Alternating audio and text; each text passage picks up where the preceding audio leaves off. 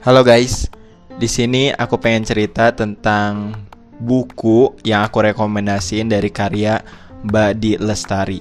Jadi, yang pertama itu adalah Supernova yang intelijensi embun pagi. Itu tuh adalah buku novel serial Supernova yang terakhir dengan membaca buku itu, maka otomatis kalian harus membaca buku-buku lainnya karena serial Supernova itu ada 6.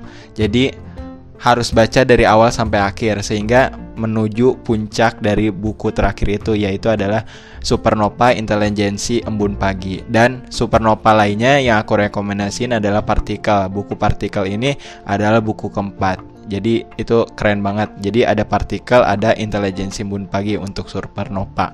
Dan selanjutnya adalah buku Aroma Karsa. Jadi Aroma Karsa ini bercerita tentang seseorang ataupun se sebuah makhluk, bukan sebuah ataupun makhluk yang pokoknya gaib lah, beda di dunia dengan dunia manusia itu sendiri. Jadi ini berhubungan dengan legenda ataupun mitos yang ada di Gunung Lawu itu keren banget sih kalau menurut aku dan berhubungan dengan aroma dan penciuman, indera penciuman.